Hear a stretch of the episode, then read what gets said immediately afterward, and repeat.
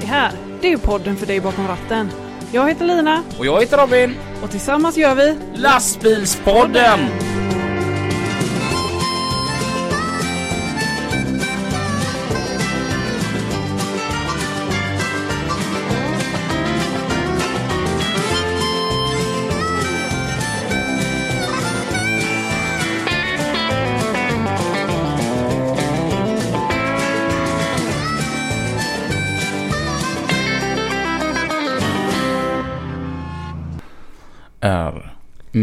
Mikrofonerna på? De är på. Är rekorden eh, intryckt? Ja, 45 sekunder står den på. Är Lina här? Ja, Är Robin här? det kanske du ska svara på.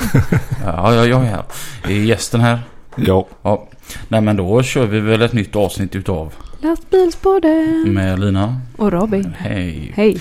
Eh, i, idag så, eh, så, så gör vi sån här. eh, Har ni sett ett matprogram förut? Ja. Ja. Eh, de instruerar hur man lagar mat. Men så har de som inte riktigt tid att vänta. Eller ja, du fattar. Ja. Mm. Så att de har förberett och hällt upp allting i små skålar. Ja, precis. Ja.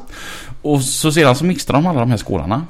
Och sen så eh, har de inte riktigt tid att vänta på att allting ska Nej. sym- det symbiosera. Precis. Ja. Så att pling så tar de bara fram det färdiga direkt ur ugnen. Ja. Idag är en sådan dag för oss. Mm. För att just nu så befinner du dig på en eh, lyxkryssare. Mm. Vart är du någonstans Lina? Jag är i soliga Karibien Kar- njuter av solen. Ja, vad härligt du.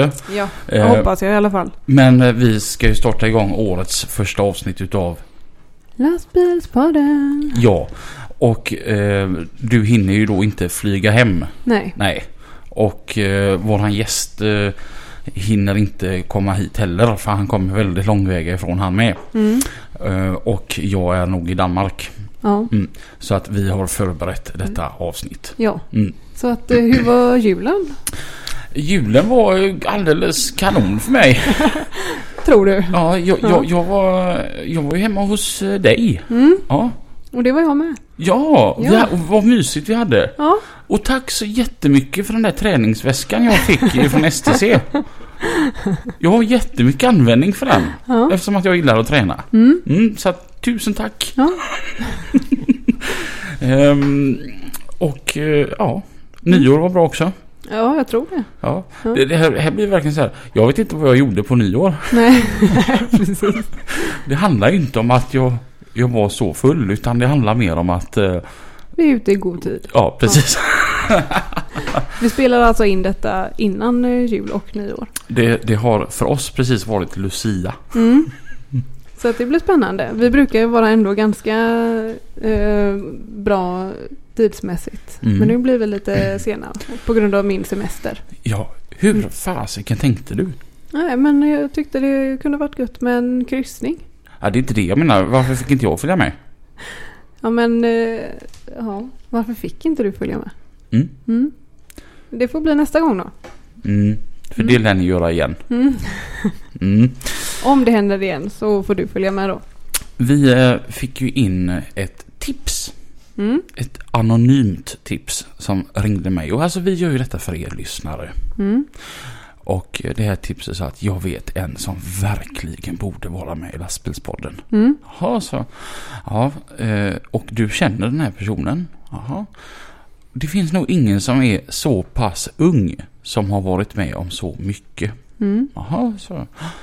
Ja, alltså det här är en historieberättare av rang. Ja. Och när han säger, du vet, man, man har kopplat ihop att det här är alltså en person som är under 50. Mm. Som ändå alltid har historier. Vet, så här, man har hamnat på samma ställen och ska ta kvällen och man tänker att ikväll ska jag lägga mig vid 10. Och man går och lägger sig mellan ett, halv två på natten. Ja. För att personen i fråga har alltid någon historia från förr. Ja. Då börjar jag förstå vem det här kan vara som han åsyftar på. Och jag hade rätt också. Ja. Eh, och vi följde upp detta tipset då. Så att idag så säger vi varmt välkommen till Rasmus Hemmingsson. ifrån Välkommen. Falkenberg. Falkenberg. Varmt välkommen till Lastbilspodden. Tack så mycket. Vem är Rasmus Hemmingsson? Ja, 42-årig. Ja, ja, inte vet jag. Det är svårt att beskriva sig En själv. man? Eller ja, vad är ja, det? ja, det tror jag sist jag kollade i alla fall. Ja. Man vet aldrig nu för tiden. Nej, nej, nej, det har du rätt i. Och du är åkeriägare va? Ja, Mm. Vad är det för åkeri du har? jag har eh, fjärrbilar som går på Eurotransport, biltransporter. Och sen har jag eh, bärgningsfirma Mm. i Falkenberg. Mm. Mm. Och du, då är du medlem i Assistanskåren. mm, de röda och gula bilarna. Mm. Kända från tv. Ja. Har du alltid varit åkare i Eurotransport och assistanskåren? Nej, det har jag inte. Om, om vi backar då eh, till att du är kanske typ då, ja men som vi kör som Oskar Sjögren när du var 15 sådär. Var det ju klart att du tänkte köra lastbil då? Ja, det var det. På grund av att, Alltid ett intresse. Mm, Alltid. hade du pappa som körde och, Nej, inte då. nej? Eh, han började kring eh, 94 tror jag. Mm. Vad kom intressen för då? Jag vet jag inte. Alltid Nej. tyckt det varit roligt. Ja, kul. Låter mycket. Ja, Stort, tungt. Mm. Gärna raka rör och lite så. ja, ja. Det var då. Idag ska det vara tyst och fint. ja. Ehm, och eh, gick du sån här transportgymnasium då eller? Nej. Nej, fanns det gymnasium på din tid? ja, riktigt så gammal är jag inte. Nej. Jag gick ekonomiskt. Okej. Mm. Och det Ah. var faktiskt min pappa som... För grundplanen var att jag skulle gå transport. ja. Eh, Men det var pappa som sa att eh, satsa på någonting så du har någonting att falla tillbaka på om du Mm. skulle ruttna. För köra lastbil kan du göra ändå. ja. Mm. Men det var ju smart att ta ekonomisk linje då. Mm. För det måste ha hjälpt dig som åkeriägare. Ja, ofta. Ja, Jag tänker lite annorlunda än många andra men ja. det är inte alltid det blir rätt ändå. Men, Nej. så det, Det var ju lite smart. För jag, pratade med Robin Svan som du också Mm. känner. Mm. Och eh, han har ju barn som ska söka till gymnasium och så här va? Och då, då menar han på det att gå inte transport. Utan, och han var ju på det här med att gå ekonomi. Mm. Mm. Han sa, och så kan man bli lastbilschaufför sen. Ja, Som sagt om man då blir åkeriägare. ja. Men hur, hur mycket ekonom blev du?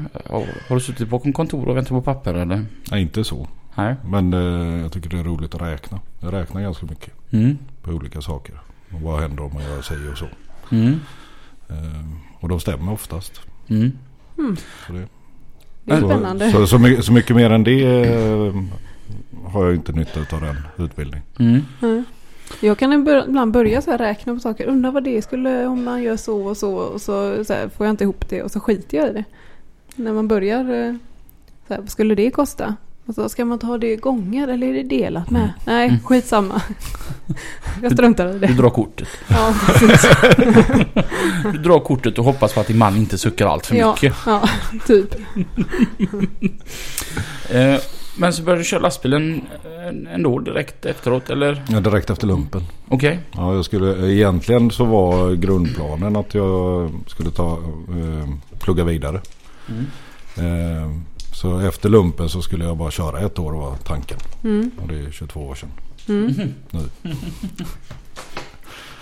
Så det är ett långt sabbatsår. Men jag hade ändå alltid planer på att köra. Mm. Ja, Det har alltid funnits med. ja. Så det, Men hur var gymnasiet för dig då? Var det lite tråkigt? ja, de eh, började, när, första dagen i ettan så började de renovera Falkenbergs gymnasieskolan. Jaha. Och då var det ju stora maskiner och lastbilar och Ja. grejer. Så jag satt och gungade på stolen längst bak och tittade ut. och eh, de var färdiga när vi tog studenten. Ja. Eh, sen hade jag ganska lätt för skolan. Mm. Så eh, det räckte att jag lys- lyssnade med ett halvt öra och läste igenom det, det halvdant en gång. Så visste jag att jag var godkänd. Ja. Eh, så man ångrar ju sig lite grann att man inte tog lite, det lite mer seriöst. Då. Ja. Mm. Så. Mm. Och när du satt där då och gungade på solen och tittade på de här stora maskinerna. Hände någonsin då att din lärare bara Hemmingsson, du kommer aldrig tjäna några pengar genom att sitta och titta ut genom ett fönster. Nej, det var ju faktiskt ingen som sa. Men det, För jag tänkte det är ju det du faktiskt gör ja, idag. ja, precis. precis. precis. Men ditt första jobb då? Att köra lastbil? Ja, Vad var det? då var jag inhyrd på eh, GA-åkerierna. Jaha, okej. Ja. Vad gjorde man då? Eh, körde nya chassin på Volvo. Mhm. Hämtade dem i Tuve och så släpade vi runt dem lite. Mycket till hamnen men vi var till Ors eller Lillehammer. eh, Lilleström heter det. Och så var vi till Karlskrona och Stockholm och lite Mm. så. Yrade omkring med dem. Mm. Så du har inte alltid kommit ifrån Falkenberg? Nej, Eller du har bott i Göteborg också? Nej, nej, nej. nej. Nej. så det, då, just då vid den tiden så ehm, bodde jag hos en lumparkompis på Tjörn. Okej. Mm. Ja. Så det, I- Den här lumparkompisen på Tjörn. Är det någon som idag arbetar hos dig? det är det. Det är en fin människa det är Peter Martinsson. Ja. Jag vill bara så här understryka. Ja. Han och hans fru Ida, de är två helt fantastiska människor. Ja. Ja, det är det. Mm. Det var det jag var på kräftskiva för en tid sedan, Lina. Mm. Mm. Så Han jobbar ju hos... Mm. Mm. Då är jag med. Ja. Mm. ja och, men... Och, och så körde du där på G-åkerierna och så blev du åkare sen då? Ja, nästan. Ja. Först så började vi köra löstrailer och container. Mm. För GA också. Och så, eh, men det var precis skittråkigt. Så det var ingenting för mig. Mm. Ehm, Så då eh, samtidigt som detta händer då så kursar farsans åkeri. Mm. Och så får han en fråga om att starta en linje mellan Amsterdam och Stockholm. Samtidigt. Så det är ju faktiskt därför jag startar från första början. Ja. Eh, För att han och jag skulle dela på den linjen och köra Mm. fram och tillbaka som en jojo. Ehm, Så det var lite rörigt precis när jag startade. Så jag körde ju faktiskt som anställd samtidigt som jag hade farsan anställd som körde min bil. Jaha. För den här linjen kom aldrig igång. Mhm. Men jag hade, vi hade köpt bil och vi hade fixat trailer och Ja. allting. Så jag hade en frystrailer som stod utanför där jag bodde Ja. i tre månader. Som jag gick ut med jämna mellanrum och startade upp så att den inte skulle klägga igen. Okej. Så, ehm, så det, det var ju så det startade egentligen. Mm. Vad var det för en lastbil? En Scania 143. OES 957. 340 hjulbas. Oj. 500. Mm. Raka rör? Nej, det var det inte. Nej. Nej, men det var klädhytt. Oj. Ja. Mm, mm. ja du har mig. Men vad, vad fick ni köra istället då när det inte blev något Amsterdam? Nej, då blev det ju att eh, eh, farsan började köra container och löstrailer Mm. här i Göteborg. Med den där. Och det var ju bara, det var ju bara tänkt tills linjen kom igång. Mm. Eh, vilket den aldrig gjorde. Mhm. Så, det, så de, för, de första ett år, ett, ett och ett halvt år körde jag bara när jag var ledig. I Mm. mitt eget åkeri. Sen körde jag som anställd annars. Okej. Så det var ju väldigt rörigt i början där får man ju säga. Mm. Men är det så här att du har kvar kyltrailern hemma och så väntar du fortfarande på att de ska ringa och säga att nu, nu kör vi. Nu kör vi. Ja det hade varit roligt. Sen när man har lite ont om plats i sin egna kyl och frys kan man ställa ut grejerna där. Ja precis. Ja. Mm. Ja, för du är ju jägare också ju. Ja just det. ja, men perfekt ju. Det är bra, det är ju bra om man är en duktig jägare Ja. och en hel 1360-trailer. ja.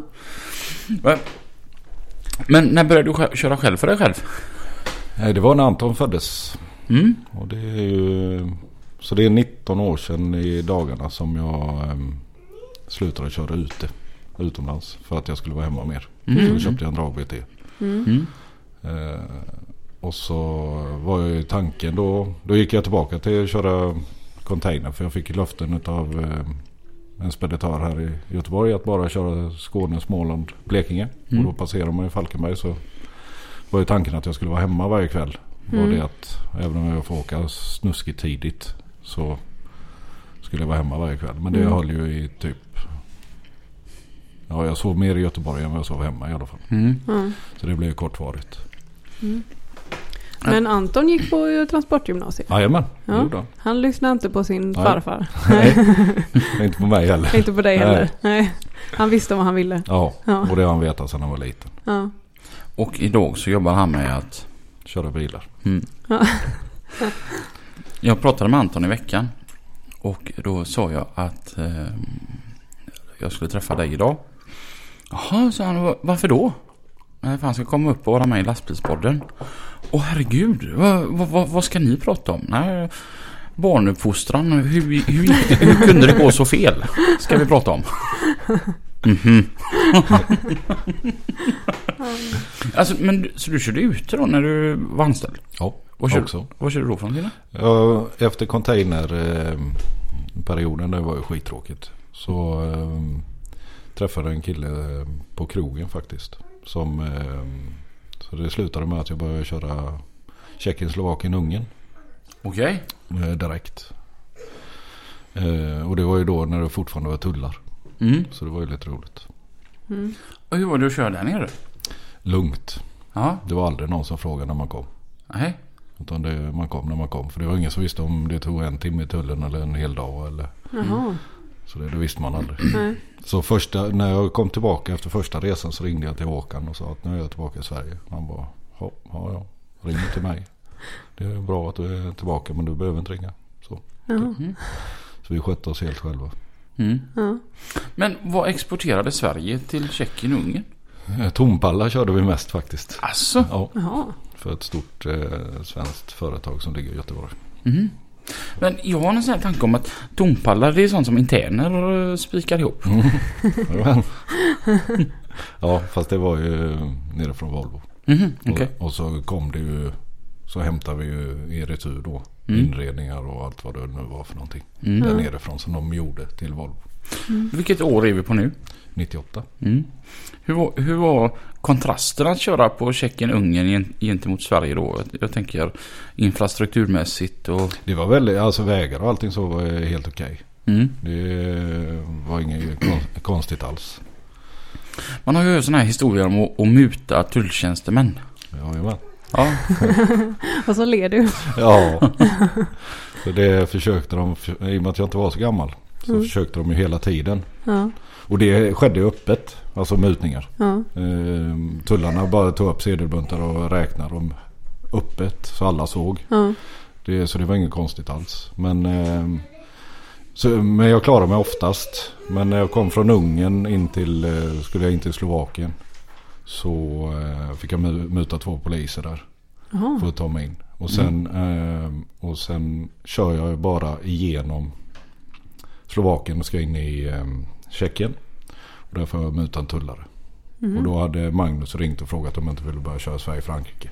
Ja. För, eh, Och det gjorde han på onsdagen. Ja. Detta var på torsdagen. Och på fredag ringer jag och frågar när jag ska börja.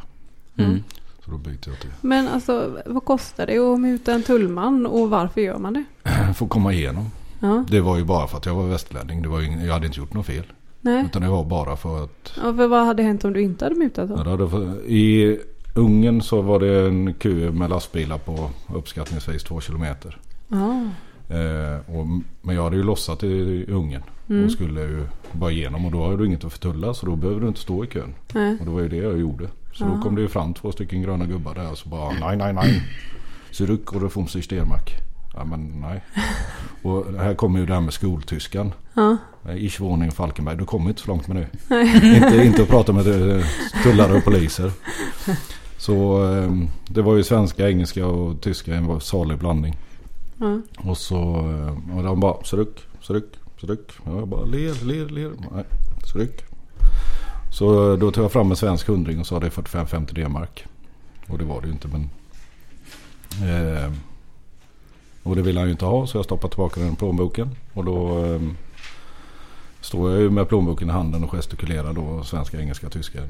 En jäkla blandning. Till slut så stoppar ner handen i plånboken och tar bo- 200 kronor. Och det var ju ungefär 45-50 D-mark då. Ja. Eh, och så hade han en egen sån papper som tullarna hade. Mm. Eh, och en egen stämpel. Mm. Ja, så han stämplade. Bara, "Kdish, Gute. Jaha. Okej, tack. Eh, men då träffade jag en svensk kille som var inne på den eh, tullstationen. Som hade Mm. stått i kön Ja. i 20 timmar. Oh.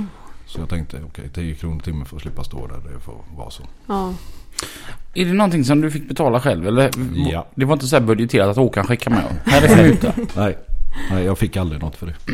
Men var det alltid pengar som gällde för att- komma in i, den där? Ja, och sen nästa, eh, jag kommer ju inte ihåg vad tullstation, man kör igenom Bratislava så kommer tull, tullen där i alla fall. Eh, där var det en flaska whisky. Och det var ju för att eh, jag bara, för att jag hade en kom, komradio. Mm. Och det har alla lastbilarna där nere. Alla. Bakom. Men han såg kommer radio och bara... Så med, ehm, 200 D-mark eller container. Och så slängde. Men varför fick man inte någon komradio? Nej det vet jag inte. För att jag var västerlänning. Skulle jag tro. Så det... Så att det här med EU är... Ja de, de tullarna är nog ganska ledsna. För Mm. det var de finaste bilarna. Det var tullarnas bilar. Mm. Mm. De måste ju tjäna denna jäkla pengar för det. Ja, om... Jag får ju någon sån här att... Eh, jag som bor här på Hisingen då att jag, jag kanske skulle samla ihop ett gäng och så gör vi detta till en EU-frizon. Ja. Så blir du tulltjänsteman och drar in lite pengar. Ja. Eller typ eh, något annat. Mm. Nutellaburkar. Bullar. Man har ju hört att man... Har, har du bara... Ja, man har ju fått höra att folk som har kört att de har fått muta med Coca-Cola för det var tydligen högvaluta i östländer. Ja, och, och även Mm. tidningar med... med ska jag säga, Malte fem år, han lyssnar ju på lastbilspodden. Tidningar med, med bilder på tjejer. På tjejer. Även kallat hydraultidningar. Hydraultidningar.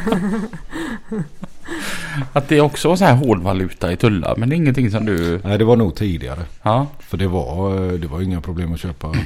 Nu köper jag nästan aldrig läsk men jag har svårt att tro att det inte fanns. Mm. Då. Men kranbilarna har ju bulltull. Ja, Ha? just det. Ja. Bulltull. För kranbilar. Va? Ja, visste du inte det? Du är med i... Eller nej? Jo, jag är med i du är kranbilsgruppen. med i Ja. kranbilsgruppen. Mm. Ja. Där har, har man ju bulltull. Så när man kör in på någon annans territorie. Så måste man ha bullar med sig och bjuda. Mm. Mm. Okej. Tur att inte jag har någon kran. ja, och då, och då sa du att då började du köra Frankrike. Ja, För Mag Magnus Nilsson. Magnus Nilsson. Ja. Och, vad var kontra kontrasten från Tjeckien, Ungern till att börja köra Frankrike? Det är natt och dag. Mm. Det, är ett va- det var ett vansinnigt tempo. Mm. Jag körde 400-500 mil i veckan och 30-50 ställen. Så det var ett jävla tempo. Oj. Mm.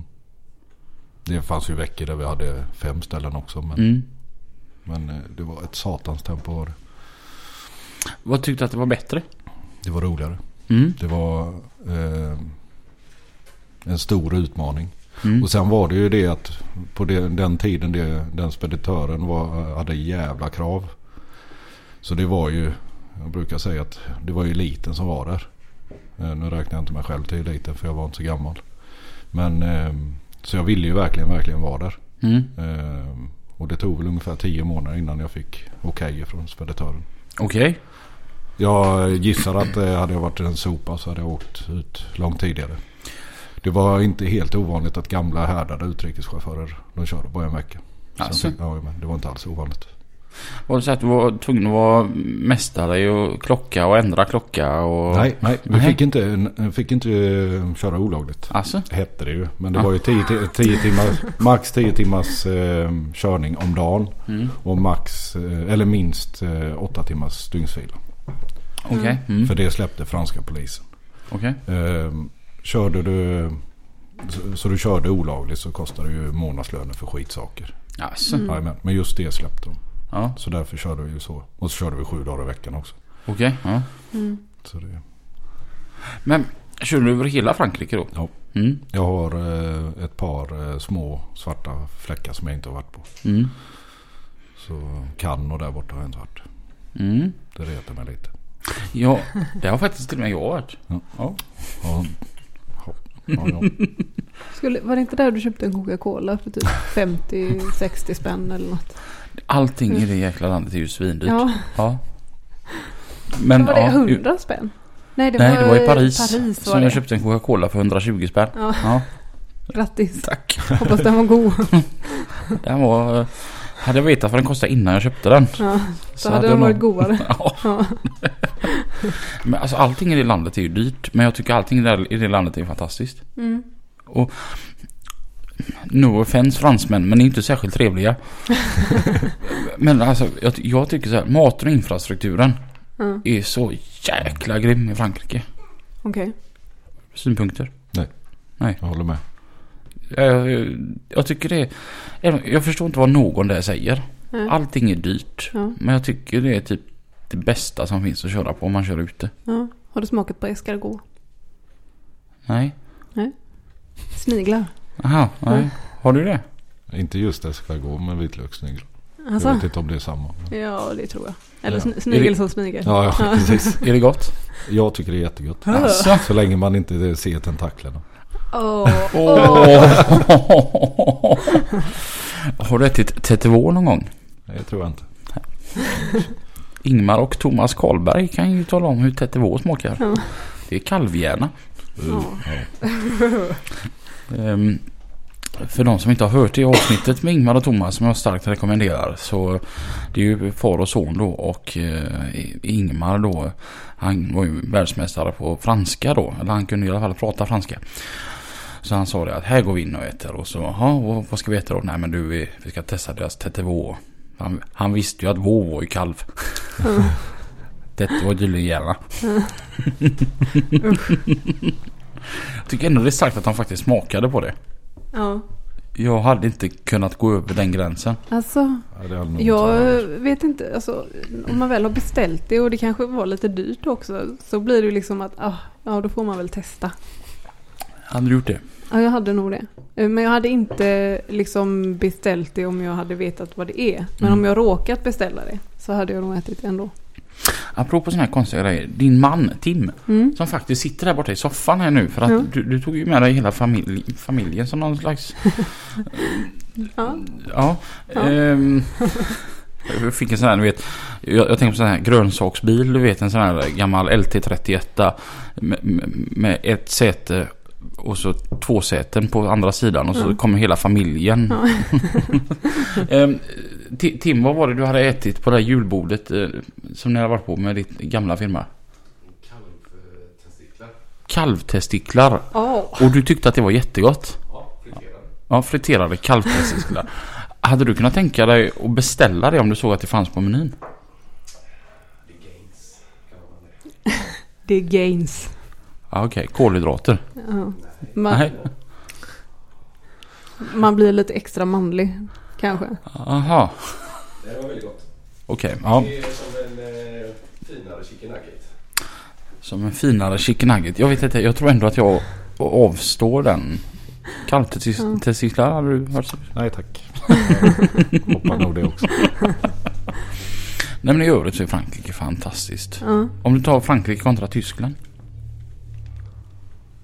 Ja, det enda, eh, Frankrike är väldigt, väldigt trångt. Om Mm. vi tar med la, lastbilar. Mm. Eh, och det frågade jag en äldre chaufför eh, hur det kom sig om man då jämfört med Tyskland. Och då var hans svar bara att de bombade dåligt. Ja. det, är väldigt trångt så. Men annars är det ju, det är ju jättelätt att hitta. Mhm. Superlätt att hitta i Frankrike. Bland annat så körde jag ett helt år med bara en A4-sida med en översikt.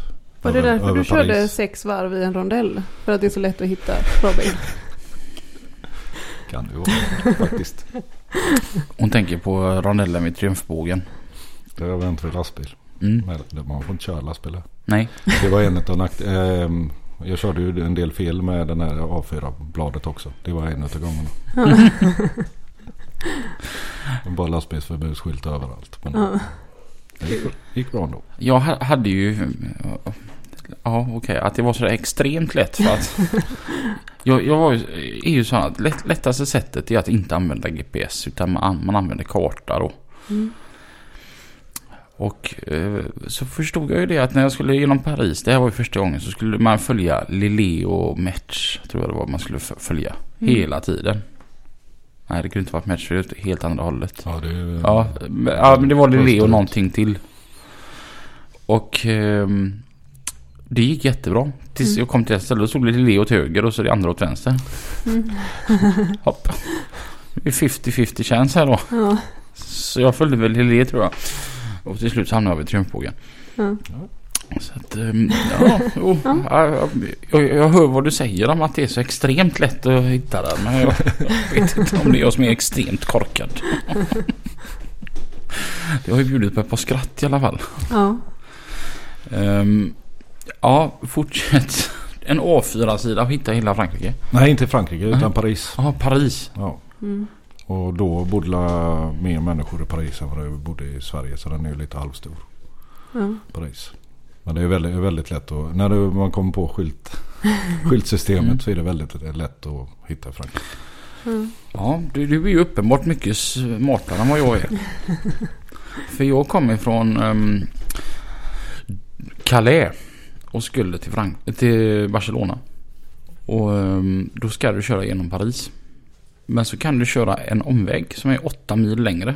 Och den tog jag utan att blinka. Det, det kändes ju som mina bäst förvärvade åtta mil på... Alltså, bara för att slippa Paris. Mm. Så att jag... ehm, Kontentan utav detta är att du är ju smartare som chaufför än vad jag är. Rasmus. jag är livrädd för den här jäkla stan. Det är för att jag tycker att trafiken är ju extrem. Mm. Dygnet runt. Du kan ju komma där fyra på morgonen och det är bilar överallt. Mm. Och deras ringleder. Jag upplever dem som ett Audi-märke för de går ju i varandra. Ja. Så att mm, nej, jag är inte tillräckligt skillad och smart som uppenbart Rasmus är. Men i Frankrike var- fanns det inga att muta. Nej, det, Ja. det vågar man nog inte. Skulle inte jag tro i alla fall. Men har du någonting, eh, jag vet att eh, Robin när du var ute på vägarna så hittade du dina så här favoritgrejer som du alltid köpte när du stannade på tappen och sånt där. Det var diverse korvar och... Beefy från Tyskland. Ja. Har du någon sån här favoritgrej som du längtar efter om du kör på utlandet? Nej, det kan jag faktiskt inte säga. Nej, inte bästa kaffet någonstans Nej. eller? Ja, franska kaffet är skitäckligt så nej. Alltså, Men sen, sen då så, så slutade du i Frankrike för att bara då dra igång ditt egna hemma. Mm. Och då var det... Då blev det ju container och löstrailer igen. Mm. Eh, fastän jag tyckte det var skittråkigt. Okej. Eh, och då gick jag ju från 400-500 mil i veckan till 250 kanske om jag hade tur. Mm. mm, Eh, och när man hade kört Frankrike då. Då var ju Danmark hemma liksom. Så Mm. det var ju skittråkigt att ligga i Danmark. För då var du ju hemma. Mm. Och då ligger man då i Göteborg som är 10 mil hem. Det Mm. var skittråkigt. mm, Mm. För man var ju hemma. Ja, Eh, Så där var jag väldigt kort tid. Eh, Och då började... eh, Då ringde en annan speditör här och frågade om jag ville köra för en dansk speditör genom dem då. Köra Mm. Sverige-Danmark. Och jag bara, "Ja, allt är ju bättre än detta. ja, Och då tänkte jag ju det. Ja men det är ju så nära så då kommer jag ändå vara hemma lite grann. Men jag ja. har aldrig varit hemma så lite som då. Då hade du ändå kört på Frankrike. Ja precis. Mm. precis. Men det var ju det. Dels så danskarna hade ju inte dollybilar då. Så då körde vi med dragbilar i hela Sverige. ja, Och sen ehm, ja, så var det ju ett eh, vansinnestempo och alla körde mycket. Och, mm, så det, det var ju 6-7 dagar i veckan hela tiden. mm, Och så söv vi dåligt också. Sov aldrig, typ. så eh, när jag var hemma, när jag var, oftast var jag hemma kanske max ett eh, dygn. Och då tvättade jag och städade lastbil och så söv jag. Sen åkte jag igen. Mm. Mm. Så att det, det är först de sista tre åren som Anton har fattat att det, det är du som pappa. Ja, ungefär så. ungefär så. Nej, det, det, det var också en rolig tid. Mm. Fastän vi inte sov så mycket. Och klev, klev man upp på, klev, när man klev upp på båten så kunde du peka på vilka som körde för den speditören. För vi såg likadana ut allihop. Alltså, Trötta. Trötta, håret åt alla håll och lite halvsketna. det, det var verkligen så. För det var ju hårdare du körde desto längre fick du. Eftersom man hade betalt per mil så ville ju alla göra det. Mm. Så det var ju rekordet är ju 660 mil på fem dagar. Oj. Oj! Vart var du då? Eh, Jag krokade en eh, trailer i Göteborg. Sen åkte jag till... Eh, den krokade på söndag morgon. Sen var jag till Piteå. Lossade den. Sen lastade jag Kalix papper. Stycke i Luleå. Ner till Oslo och lossade det. Då var vi på tisdagen. Ner till Göteborg. Och där stod jag still i ett dygn. Eller jag åkte hem. Gjorde. Lastbilen stod still. Sen eh, gjorde vi om det igen. Upp till Piteå. Och så eh, lossade vi där. Och så ner till Örebro. eh, Och lastade papper på fredagen. Och så var jag hemma på fredag. Vi, strax efter middag. Mm. 660 mil på fem dagar. Och jag var inte ens trött. Du stannade inte så många gånger då eller? Du bara körde? Ja, jag hade en limit på tre timmar. Skulle skiten stå still. Ja, Eh, Men oftast käkade man och duschade på den tiden också. ja, Eh, Men i och med att, och det gjorde man ju på båt, båt lugnt. Ja. Men nu sov jag tre timmar i ett streck Mm. hela tiden. Så Ja. då, jag var inte trött när jag kom hem. Nej. Och så hade jag ju ett dygn hemma också. Ja. Mitt i alltihop. Ja. Men det blev fem dygn och eh, om vi räknar bort det dygnet så var jag hemma. Ja. Har en kompis som är dansk. Han körde så kallad fiskambulans mellan Nordnorge och Danmark. Mm. Och han eh, lärde mig ju knepet att äta ka- kaffe, dricka cola. Alltså du t- tar en matsked med kaffe. Alltså, Snabbkaffe eller bryggkaffe. eh, van, vanligt som bryggkaffe. Och äta. Och häller upp en matsked. Och så stoppar du den matskeden i munnen. Och så sväljer du ner det med Coca- en Coca-Cola. Fan vad äckligt. Uh. Ja. Alltså koffeintabletter. Vad är det för fel på det? Det är väl inte tillräckligt old school och det blir en roligare historia om jag säger det så här än att man, jag tog en koffeintablett. Och sen, sen, sen så bubblar det i magen och då gäller det att hålla tätt i en timme ungefär. För sen slutar det bubbla och sen så, så kör du hela natten. Ja. Du testade det? Nej, jag har aldrig gjort Du det. har aldrig gjort det? Nej. Nej. Men jag gillar ändå hur du log när du hörde ord, bara ordet fiskambulansen. Alltså, Ja, de, de här da- danska bilarna kan inte vara så där jätteomtyckta på, på Sveriges vägar tänker jag. Så- Som, som alla, för det var som han sa det att alla visste vad vi körde och hur vi körde. Ja. Och alltså, han sa det att han skulle aldrig någonsin göra om det. Men han sa Mm. för fan vad roligt att ha varit med och gjort det och att man kan berätta historier om de här Ja. när vi körde så förbannat. Mm.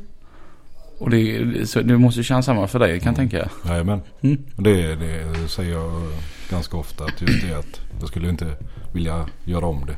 Men Mm. jag vill inte ha det ogjort heller. Nej. Så det, för det, är- det är ganska mycket roligt. Mycket tokig, tokigheter. Ja. Men jag, tänk, jag tänker som så här att när alla kör på det viset det måste vara svårt att chocka transportledarna då. Mm. Men det, jag tänkte ofta på det att det, det kan inte vara lätt att vara tra, transportledare. För de ringde ju varje morgon och frågade var vi var. Mm. För det, och det, de visste ju aldrig. Mm. Och det gjorde jag ju klart för dem ganska direkt att det är jag som bestämmer. Mm. Inte någon annan. Eh, men det var inte ofta jag sa för mycket om vi säger så. Mm. så det, Mm. Och, hur, hur länge höll du på med detta då? Ett och ett halvt år kanske. Mm. Sen blev det ju det här med bilar. Mm. Och det var ju så Danmarksbilen hade jag ju kvar. Okej, ja. Ja, och så började jag köra bilar. Hur halkade du in på det? Den långa eller korta historien. Ja, vi har gott om tid här. Om vi tar den långa så är det ju min morbror. Köp, ja, egentligen så är det ju min kusin Mm. som fick ihop det med en eh, bilhandlare. Mm. Och samtidigt så hade min morbror ehm, Får lite påfyllning här. så hade min morbror ett stycke godsåkeri som åkte mellan Göteborg och Malmö Mm. fram och tillbaka. Men så var, blev lönsamheten sämre och sämre så till slut så sa han nej jag skiter i detta. Mm. Och då började han och eh, min kusins gubbe prata om att han skulle skaffa sig en biltransport och börja köra, köra upp hans bilar från Tyskland då. Mm. Ja. Så det började de att göra. Och då körde han ju eh, åt alla möjliga konstiga. Där. Men eh, mm, ja, till, till slut i alla fall så kom han ju in på, på Eurotransport. Mm. Eh, på ett bananskal för det var, de hade kört sönder sin bil här i Göteborg. Och så eh, ringde de till Lars och frågade om inte han kunde hjälpa dem ett par dagar. Mm. Och det kunde han. Och sen blev det ett par dagar nästa vecka och till slut så körde han helt. Mm. Och sen i januari 02 så eh,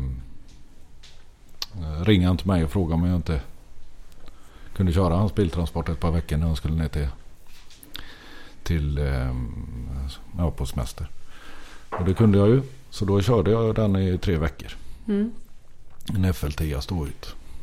Om jag, om jag sov lite innan så sov jag ännu mindre då. Och det var inte att jag körde. Utan det var ju att det gick ju Nej det gick inte. Ehm, och sen den 22 februari 02 så gick farsan av vägen med den ena dragbilen och skrotade den. Och då ringde jag upp till Eurotransport och sa det att eh, om jag inte...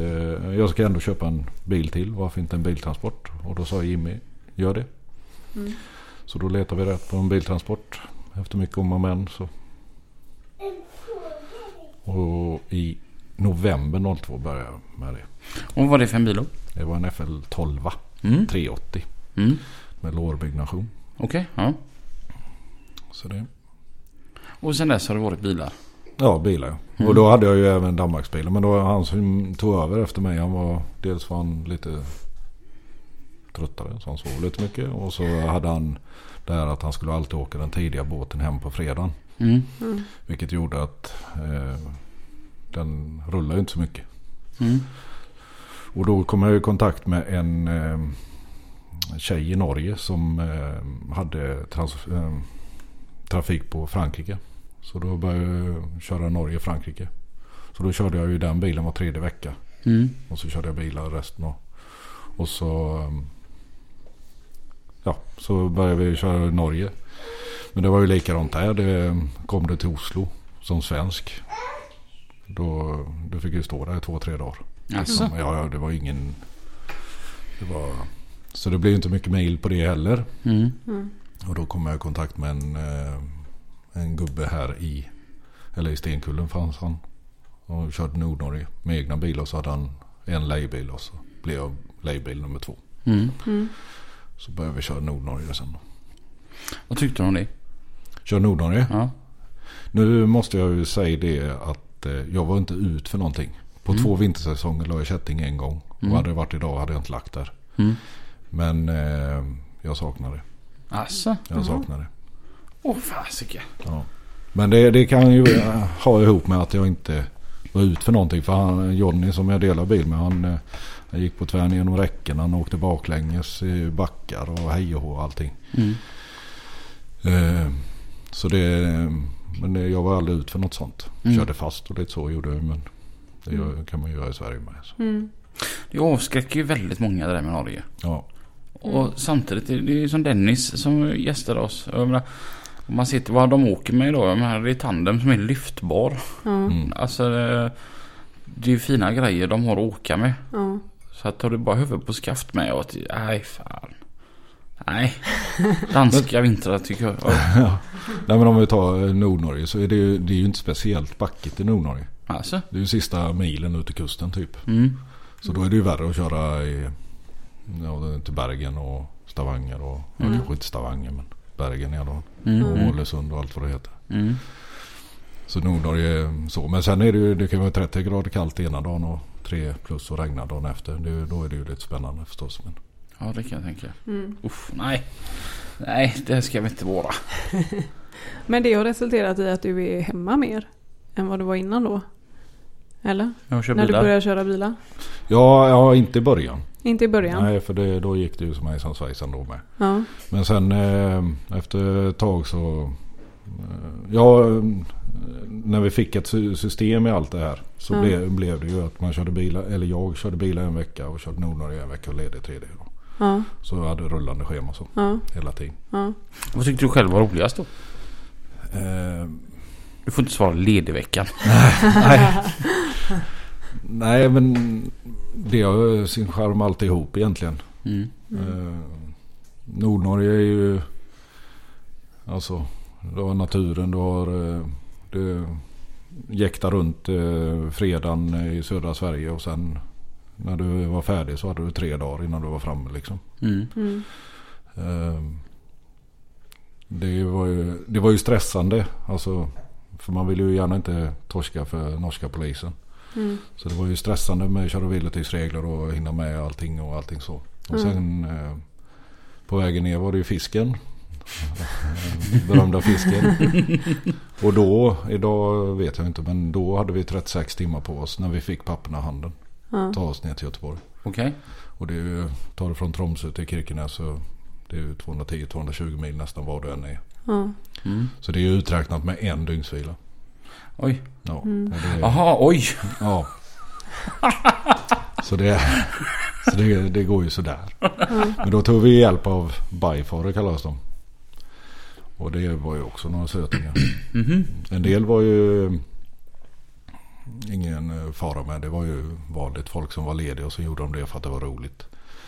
Men det var ju en, en kille jag hade, han började med att säga hej jag är sjukskriven. Okej. Ja, hej, hej. Ska du säga det till mig? det ska du nog inte. Mm. Så det, men de torskade ju sen då. Mm. Så.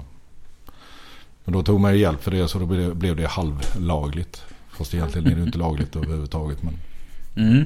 vi lekte att det var lagligt. Mm. Men den fiskambulansen har du inte kvar? Nej, Nej. den, eh, han eh, hade ju problem att betala. Mm. Han, den, han är död nu så det är lite svårare. Ja, han kan inte försvara sig men. ehm, så då slutade både jag och den andra lejbilen, Christer då. Mm. eh, där. Och så började jag på ett, eh, en annan spedition här i Göteborg som körde kläder upp till Nordnorge. Mm. Så då hade vi linje. Mm. Så vi mm, kopplade färdiglastat i Göteborg och så hade vi Mo, Rada, Bodö, Harstad, Narvik, Tromsö, Alta och Lossa.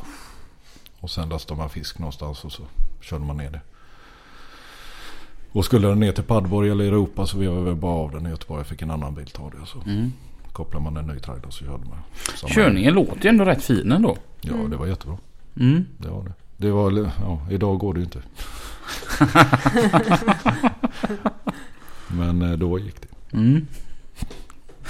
Skoj. Alltså Ja. de här historierna är ju de roligaste. Mm.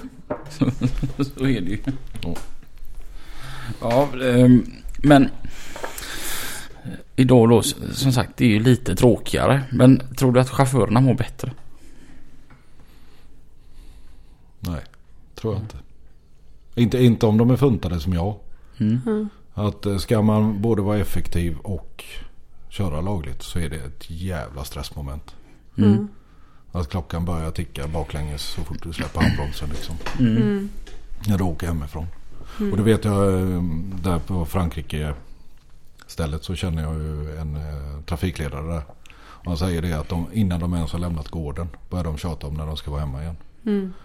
Så jag undrar egentligen hur mycket gods som blir frånkört. Mm. Mm. Eller hur många fler lastbilar det behövs för Mm. att. Det, sen är det ju. Jag förespråkar inte det här att man ska inte sova heller. Så så sätt är det ju bättre. Men är man lite grann just det här med effektiv och, och eh, köra lagligt. mm. Som vi eftersträvar idag. Mm. Så är det. Jag, jag blir väldigt stressad i alla fall. Mm. Det jag kan tycka förlåt, det jag kan tycka är lite roligt eller tråkigt. Det är att om man träffar någon torsdag lunch Mm. och så bara ska vi käka tillsammans? Nej, för jag måste ju vara hemma till lördag 16. Ja Mm. precis. För jag har inte körtid efter det. Mm. Jaha, men jag tänkte vi kan ta lunch nu. Mm. Det Ja. är torsdag. Ja. Ja men för då har de hela sin rutt som de ska åka. Ja. Och då vågar de inte spela på att lägga en timme på att käka lunch. Nej. Så jag tror att gemenskapen var nog större förr när man kunde kompensera upp det någonstans. Ja. Jo ja. Ja. Förr gick det ju att fixa. Mm. Ehm, det går ju inte idag. Mm. Mm. Likadant typ att kanske vän- vänta in någon som Mm. låg en bit bakom. Det, det går inte att göra idag. Nej. Nej men om vi tar Eurotransport som exempel. Jag var bil nummer sju. Sex eller sju, jag tror det är sju. Ehm, vi, åkte, vi samåkte hur mycket som helst. Mm. Ja. Idag är det ingen samåkning. Nej. Nej. Och då är det 50 bilar liksom. Ja. Mm. 51 eller vad det är. Det är ingen Ja. som har tid.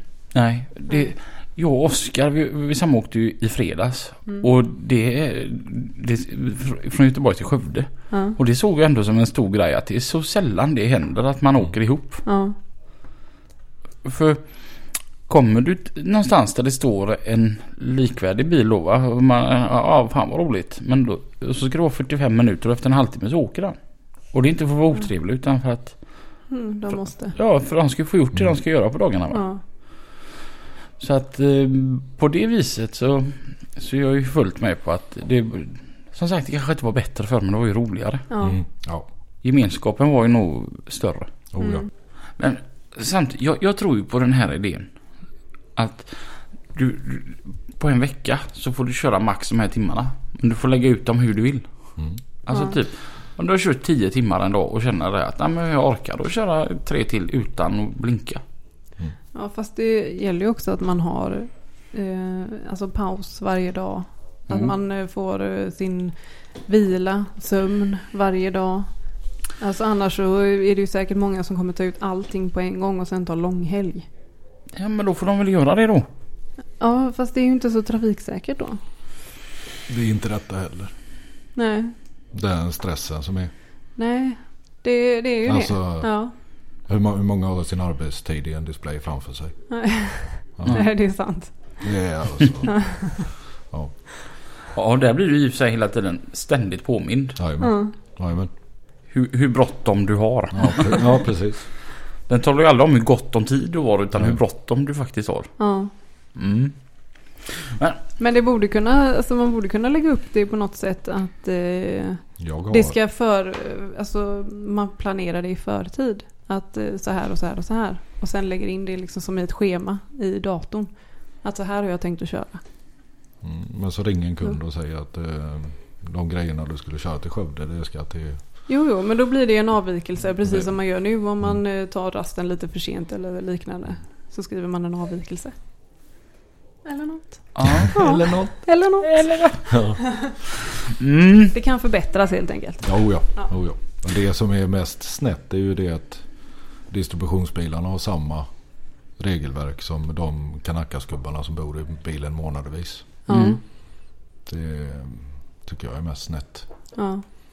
Mm. Och även om vi tar i vår- vårt fall när vi kör varannan vecka. Mm.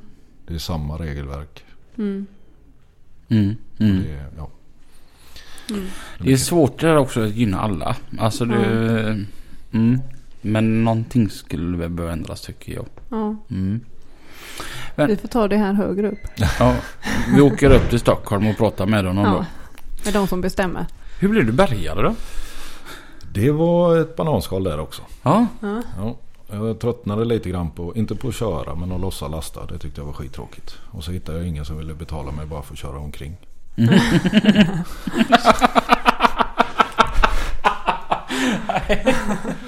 så, så, eh, så då eh, hoppade jag på och började hyra ut bilar för Mhm. Mabi.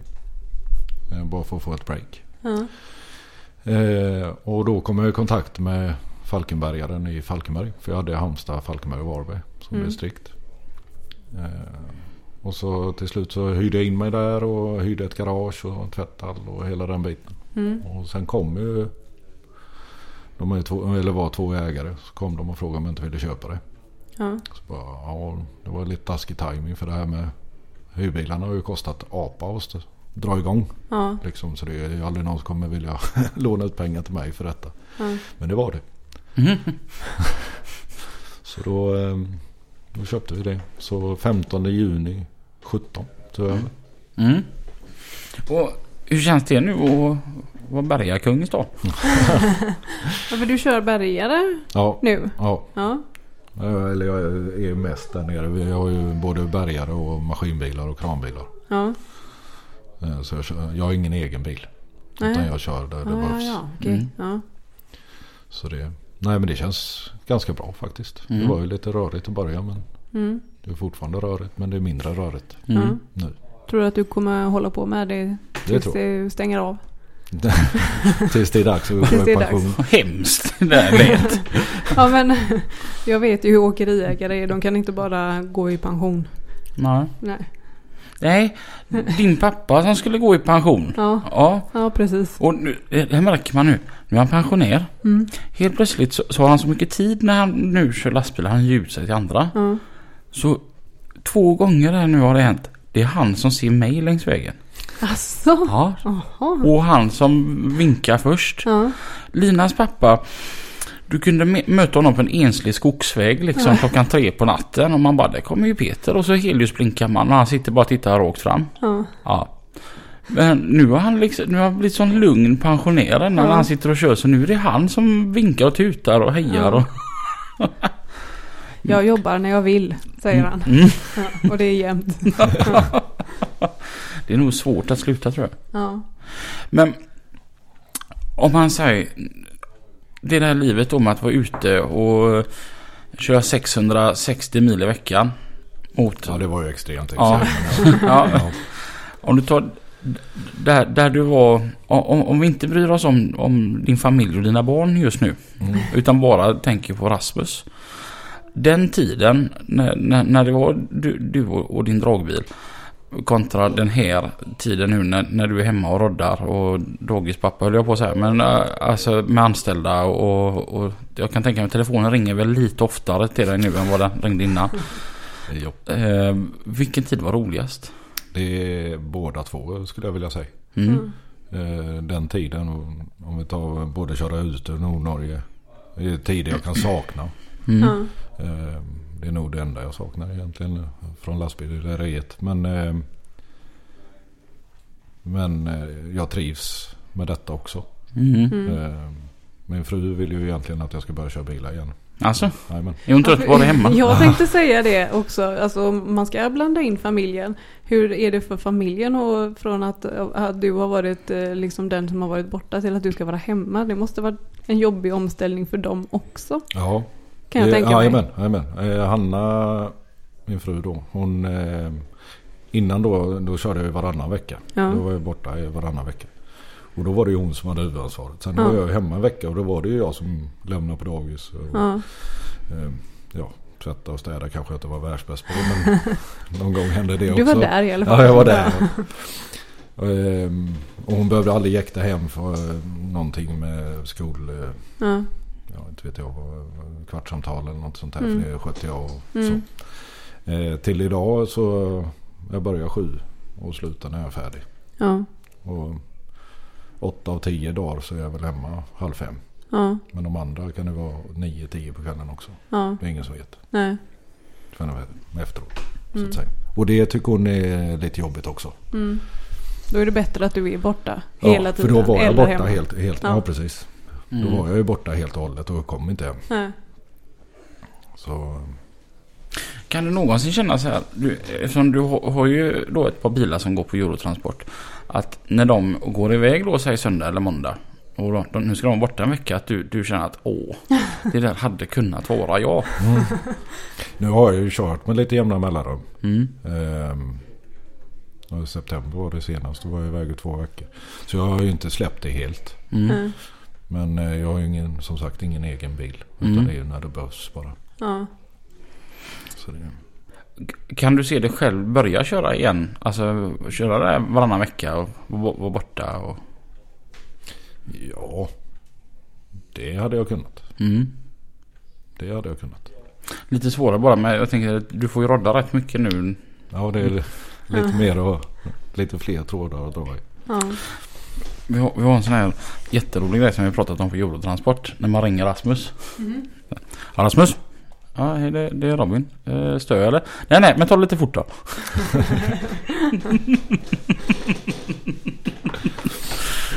Så att, och jag känner igen det från min egna chef också. Han kan ju... Man, frågar, man är alltid så dum som man frågar. Stör jag? Mm, nej, men så, vad, vad gäller det? Ja. Och, och det, det kan man ju verka för när, när Rasmus körde. Då, då var det lite mer tid.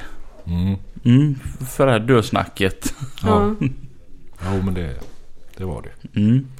Men någonting som jag, jag har bara så här. Nu ska, nu ska vi inte prata illa om någon eller något. Men jag kan inte hjälpa det. Mm. Jag lärde känna Rasmus då två, året är 2013. Mm. Jäkla trevlig gubbe. Mm. Mm, sådär. Var han inte så gammal heller. Då var han ju 36. Ungefär. 5, 6. Mm. Mm. Och så eh, ska jag träffa någon privat. Och vi är i Nora. Och då kommer han med sin personbil. Mm. Som var nog bland det fulaste jag sett i hela mitt liv. En Sang-Yong. Rodius. Det var grejer det. Alltså du vet. Tänk, tänk dig en... Ja. Tänk dig att en treåring. tillsammans med en gravt alkoholiserad gubbe med linjal. Ska rita en bil tillsammans. Då får du den här Sanjongen. Som sagt, jag vill inte prata ner den. Den är kanske jättebra va? Men den är så ful. In, enligt mitt tycke då så inte jag, vi blir stämda Mm. ännu för något. Men enligt mitt tycke. Den vann pris som eh, fulaste bil. Varför köpte du den? Även det är en lång historia. Ja, hade- den vann pri, pris för det ja. Jajamän, Ja. som är världens fulaste bil. Jajamän, Jajamän, sån hade jag. Fem år. Ja, det var grejer det. Ja. Så det. Nej, jag hade en BMW 5-serie innan. Och så hade tre ungar i en, ba- en barnstol. Och då var BMW 5-serien en jävligt liten bil. Ja. Eh, så jag satte ut annons på den och bara typ se om det är någon som vill ha skiten. Ja. Och det var det ju. Så... ehm, eh, och då eh, skulle ju...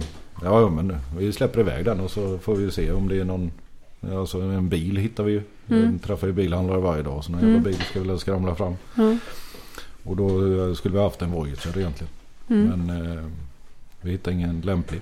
Så det blev... eh, Och då hade Hanna visat mig denna på, från eh, ja, Blocket eller vad fan det var. Ja. Och jag bara glöm det. Glöm det. Men vi, i fem veckor hade vi... Men hon hade hittat den här och liksom full för den. Kan nej, köpa nej, nej denna? men det var just det. Det var sju säten i den och det Ja. var liksom så. Ja, det är Eh, praktiskt. Ja, praktiskt. Ja. Eh, och jag bara glömde. Men så, eh, vi, hade fe- vi var i fem veckor var vi utan bil. Vi hade en Skoda Pickis. Som var, Oh, mög- ja. som var möglig inuti dessutom. Så eh, den där fula bilen kom ju upp på Blocket oftare och oftare och oftare och oftare. Till slut så ringde jag till bilhandlaren i Eskilstuna och köpte den på telefon. Bara, Hon googlar fram den här nu. Vilken är det? Rodius, R-H-O-D-U-S. Rodius. Där är den. En sån fast silverfärgad. Och den var ju jätteful. Ja, Fast den var inte så ny så den var ju ännu fulare än det. Ja. Ja. Men den ser ju helt vanskapt ut. ja. Förstår du nog vad jag menar med det? Jag brukar säga eh, Robin eh, vidareutvecklade eller körde en egen sån. Jag brukar säga att den var ritad av en svårt alkoholiserad narkoman. Ja, men det, nej men det ser ut som att det har varit en annan bil egentligen. Ja, men och sen alltså- har de liksom tagit den bilen och liksom skavt hål på Mm. bagaget och satt på som en sån här som man har på en pickup. Mm. En sån här, vad heter Mm. det? Kåpa. En kåpa Mm. som man har på en pickup. Har de satt på bilen. För jag tänker ändå att om man kör bilar så har man lite koll på olika bilar. Man får så en liten uppfattning om olika bilar så här. Ja. BMW 5-serie. Ja, nej, men alltså, jag förstår hur han tänker liksom. Ja. Till en Sangyong. Det är den bilens försvar. Eller till mitt eget försvar kanske jag ska säga. Så var det en fantastiskt bra bil.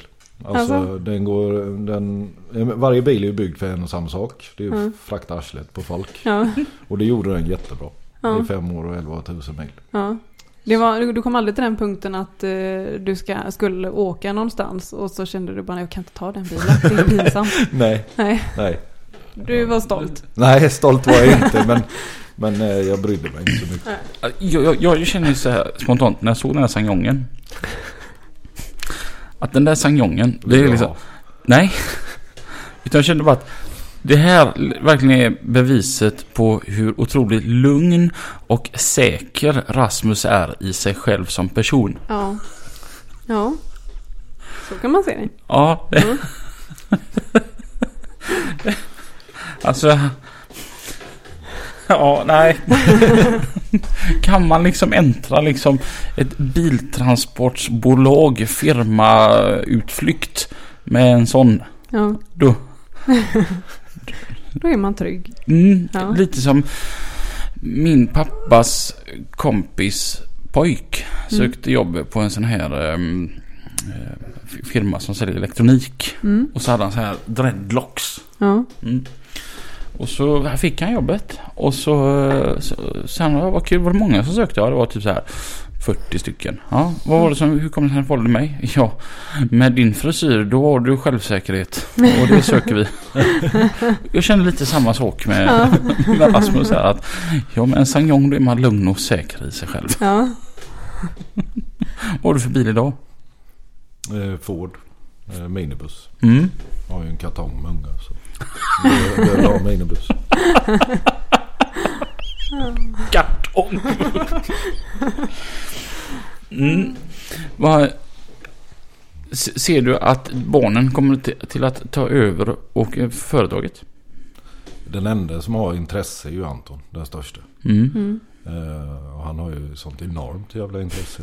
Ja. Så om han stannar kvar eh, och inte vinglar iväg och startar eget så Mm. hoppas jag på det. Mm. Mm. Sen de andra har vi ju, en är ju, det är bara bollar, fotboll. Mm. Och den andra är förvirrad. Och den tredje är en prinsessa. Åh. Så jag, det tror jag inte. Det är väl egentligen bara Anton. Ja. Mm. ja, spännande. Ja. Ehm, åt, återstår att se. Ja, Om 20 år när vi fortfarande har lastbilspodden. ja. Får vi ta tillbaka Rasmus och se hur det har gått. Ja, jag minns på min tid. Ehm, och den danske transportledaren, vad sa han varje gång du sa att du var framme? Nej det är fint. Det är fint. Det var aldrig någonting med det. Det var bara att koppla ner och åka. Ja. Timmen gick väldigt fort när Rasmus var här kände jag. ja, det kände jag med. Mm, mycket goda historier. Mm. Och eh, vad vi kan ta med oss. Det var att det var kanske inte bättre för men mycket roligare. Mm. Mm. Och 660 mil på fem dagar. Det, om någon har det rekordet så får ni gärna kommentera. Ja. Och är man trygg i sig själv så köper man en Sanyon. Mm. Ja. Rasmus, att du tog dig från Falkenberg upp till oss idag gör oss väldigt glada och vi tackar så mycket för att du mm. ville vara med. Jättetack. Mm, tack själva. Och eh, till er andra där ute. Kör försiktigt. Så ses vi nästa vecka. Det gör vi. Hej hej. Hej då.